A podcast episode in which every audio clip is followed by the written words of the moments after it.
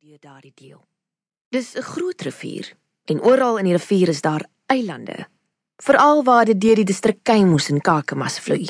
Daar is byvoorbeeld Kanoneiland wat so groot is dat daar 'n selfstandige gemeenskap is, ook 'n kerk en gemeente. Nou, dis maar net 'n voorbeeld. Daar is baie ander eilande waarop die mense plasies het en hul bestaan daarop maak. Dit is natuurlik baie mooi groen daar langs en die aarde vrugbaar. Irma luister met belangstelling en raak meer op haar gemak.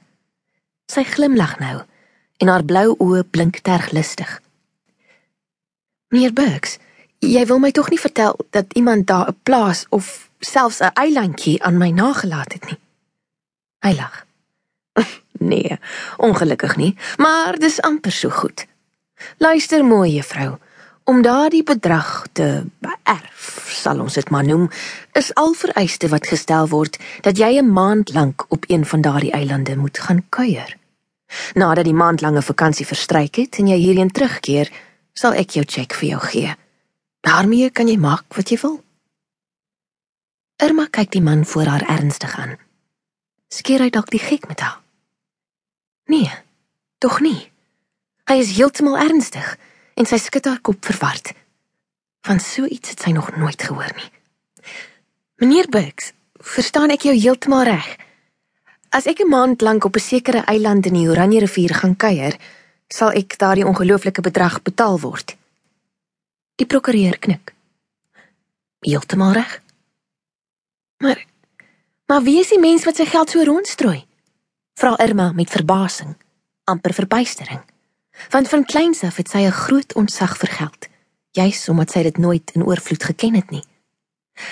Ek neem jou nie kwaadlik dat jy dink so 'n mens moet van loetjie gedik wees nie. Maar nou ja, ons ou wêreld is saamgestel uit allerlei soorte mense. Onder ons kry 'n mens die eksentrieke karakters en ons het nou met een van hulle te doen. My kliënt besit die hele Drakenseiland, soos die eiland genoem word. Dit lê taamlik eenkant, nie juis naby die ander eilande nie. Hy moet skatryk wees, te oordeel na sy royale aanbod. Ek is al jare lank sy prokureur, maar het hom nog nooit persoonlik ontmoet nie. Hy doen al sy sake per korrespondensie. Sover ek kon aflei, is hy nie getroud nie. Heel moontlik voel hy dat hy aan iemand sy besittings en geld wil bemaak. En daarom nooi hy nou 'n paar mense vir 'n maand lange vakansie na sy eiland, sodat hy hulle darm eers 'n bietjie kan deurkyk voordat hy hulle sy erfgename maak. Paar mense.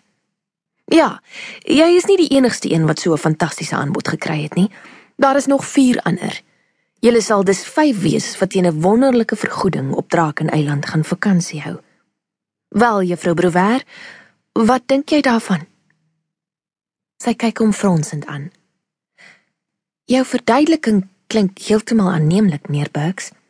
Maar waar kom hy aan my naam? Hoekom het hy juist vir my as een van sy gaste gekies? Hy trek sy skouers op. Dit kan ek jou nie sê nie. Feit bly dat jy wel gekies is en juffrou, as jy my voorbarigheid om jou ongevraag raad te gee sal verskoon, sal ek jou aanraai om hierdie wonderlike aanbod met albei hande aan te gryp. Jy sal nooit weer so 'n kans kry nie. Sy laat haar oë sak en kyk onseker op haar hande af. Alles het so skielik op haar afgekom dat sy nie dadelik tot 'n besluit kan kom nie. Wanneer moet ons daar gaan kuier? Die begin van aanstaande maand. Dus oor 2 dae. Maar die college sluit eers oor 10 dae. Ek is seker dat daardie paar dae nie veel verskil aan jou studie sal maak nie, juffrou. Dink net watter beloning daar op jou wag. Wel, ek weet nie, antwoord sy onseker. Ek wil eers die saak met my ouers bespreek. Ek sal hulle vanaand bel en môre my antwoord. Dit mag jy ongelukkig nie doen nie. Val meneer Burks af vinnig in die rede. Dis een van die vereistes wat ek vergeet het om te noem. Jy mag niemand vertel waarheen jy gaan nie. Sy kyk hom verbaas aan en haar kruip skielik 'n skaduwee van agterdog in haar oë. Hoekom nie? Maar die prokureur glimlag gerusstellend. Dit klink geheimsinnig en agterdogwekkend, maar my kliënt het 'n baie goeie rede daarvoor.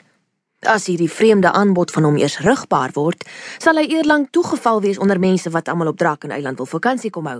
Jy weet tog hoe die mens is. Daarom het hy uit